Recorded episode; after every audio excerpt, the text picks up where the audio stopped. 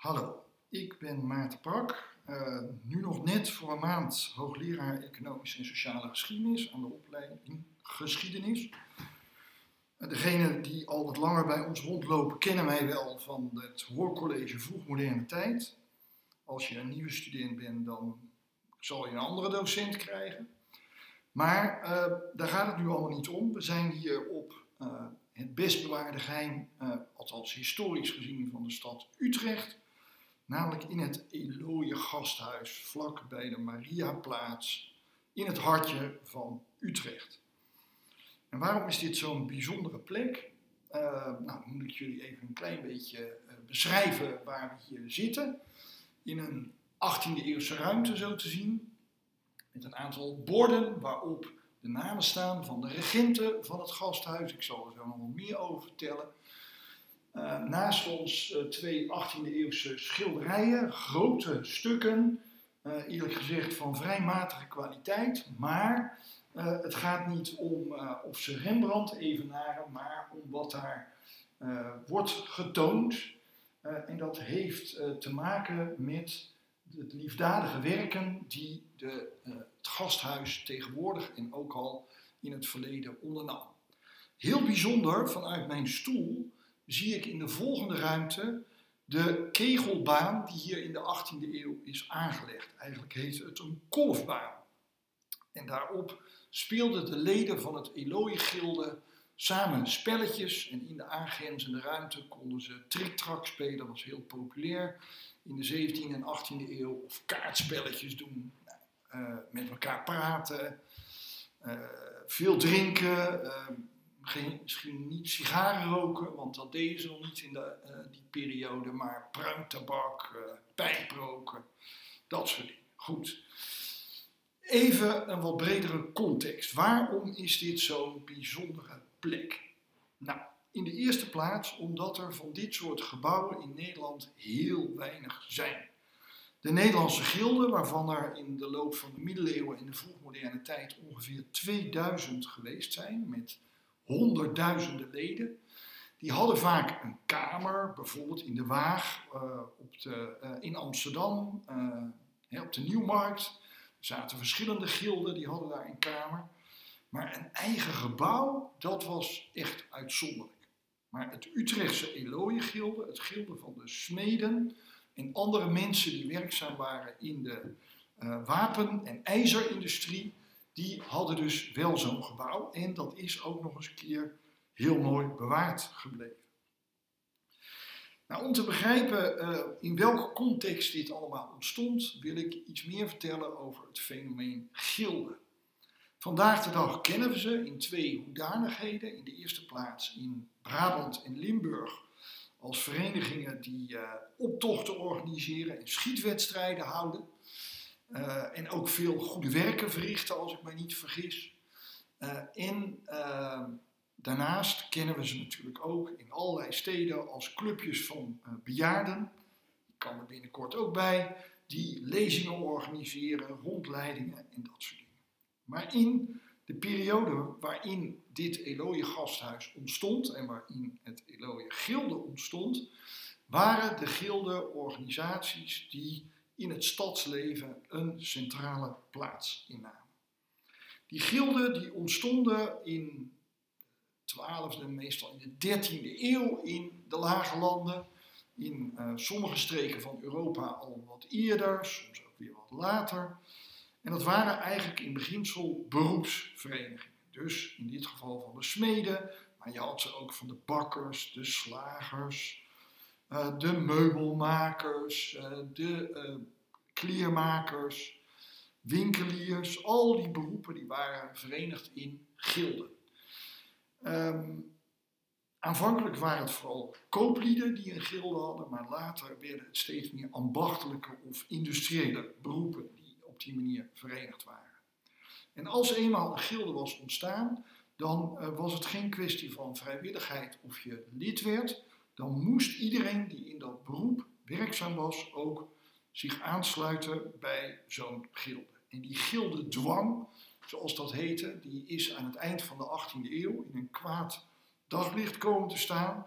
met name door het werk van Adam Smith, de bekende Schotse uh, filosoof en econoom. In zijn Wealth of Nations legt hij uit dat die gildendwang eigenlijk de concurrentie onderdrukt en ertoe leidt dat die gildeleden bij elkaar samenspannen, zo zegt hij dat ook, om de prijzen op te drijven ten nadele van de consumenten. Maar in eerdere eeuwen keken ze daar heel anders tegenaan en daar is ook wel enige reden voor.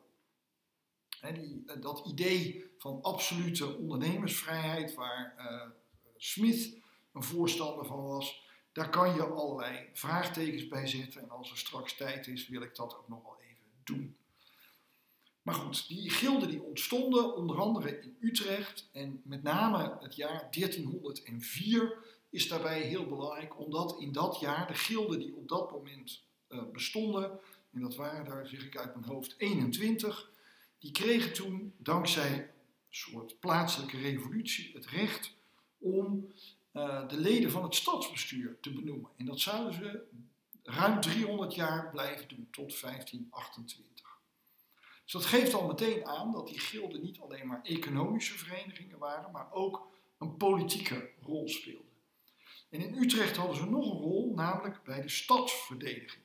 Dus zeg maar wat we later als de schutterijen hebben leren kennen, dat was een taak die in de middeleeuwen in Utrecht ook de gilden hadden. Die moesten een bepaald aantal leden uh, bewapenen en uh, leveren wanneer daarom gevraagd werd. En daarnaast hadden de gilden ook nog een rol bij het onderhouden van de stadsmuur uh, rondom de binnenstad. Zeg maar binnen de singels van Utrecht stond een grote muur in de middeleeuwen en elk deel van die muur werd onderhouden door een of meerdere gilden in de stad. Later zijn die muren afgebroken en vervangen door aardeballen, maar dat doet er nu even niet toe. je ziet ook dat ze in dat opzicht bijdroegen aan zeg maar, het stadsleven van een plaats als Utrecht. Een van de dingen die die gilden geleidelijk aan ook gingen doen, was uh, zorgen voor de opleiding van vakkrachten. Uh, dus er kwamen regels waarin bepaald werd hoe je als leerling in het gilde een opleiding kon krijgen uh, en uiteindelijk als het mee zat, ook meester en lid van het gilde worden. En uh, die opleidingen waren belangrijk omdat er geen beroepsonderwijs was dat op een andere manier in die behoefte kon voorzien. Onder andere via die beroepsopleidingen werd technologische kennis gedeeld met hè, een jongere generatie. En sporen daarvan zie je bijvoorbeeld ook nog terug in uh, de universitaire opleiding, bijvoorbeeld wanneer je aan je scriptie werkt en dan doe je dat onder leiding van iemand die al vaker met dat bijltje gehakt heeft, maar dan krijg je als het ware één op één onderwijs en dat gebeurde in die gilden ook. Er was nog een functie die die gilden hadden en dat was uh, ontwikkeling van sociale zorg. Dus geleidelijk aan gingen gilden ook uh, voorzieningen treffen, kassen aanleggen, regels instellen, waardoor uh, mensen die buiten hun schuld uh, tot armoede vervielen, bijvoorbeeld omdat ze ongeluk hadden gehad of omdat ze oud werden, aanspraak konden maken op een uitkering. Die uitkeringen waren niet riant, maar nou ja, bij gebrek aan beter was het toch fijn om zoiets te hebben. Niet alle gilden hadden dat, maar sommige wel. En een van die gilden die dat had, was het Eloje Gilde. En dankzij een gift in het begin van de 15e eeuw van een welgesteld lid, verwierven ze een pand waar we nu in zijn. Uh, en in dat pand kon het gilde uh, bijeenkomen. Dus hadden ze een vergaderruimte, want besluiten van het gilde werden door het collectief van de leden genomen. In dat opzicht waren het ook democratische organisaties. Maar in dit pand kon je ook een plek krijgen wanneer je niet meer zelfstandig kon wonen. Het was eigenlijk een soort bejaardenhuis voor de leden van het gilde. En daarom heet het ook een gasthuis. Dat is eigenlijk een hospitaal, een onderkomen waar een aantal van die leden eh, verzorgd werden. En dan was ook hun uh, kostje gekocht. Want uh, je moest weliswaar je bezittingen afstaan aan het gasthuis. Maar in ruil daarvoor kreeg je voor de rest van je leven kost en inwoning. En dat was heel aantrekkelijk, dat kon het zijn, in een tijd waarin pensioen onbekend was. Er was geen andere manier om voor je oude dag te zorgen, behalve dan sparen of alles moest je bij je kinderen intrekken. Nou, dat was allemaal niet geweldig. Nou, uh, dat heeft eeuwen geduurd dat dat Eloje gasthuis als zodanig bestond. Maar geleidelijk aan waren steeds minder mensen geneigd om zich hier intern te laten opnemen. En vandaar dat het karakter in de loop van de tijd steeds meer veranderde van een gasthuis in eigenlijk een plek waar de leden samen konden komen. dit waren er veel, want in de 17e eeuw, in de Gouden Eeuw, uh, had Utrecht een grote wapenindustrie. En dat betekende dat het Eloy-gilde veel meesters telde, die, en dan moet je denken aan in de orde van 150 à 200, die uh, niet allemaal tegelijk in dit gebouw konden zijn. Althans, dan werd het uh, behoorlijk vol als ik hier zo rondkijk. Maar toch die hier regelmatig aanwezig konden zijn. Nou, die gilden die zijn in de revolutietijd opgeheven lang uh, proces, maar in 1818 werd het definitief besloten, het is afgelopen.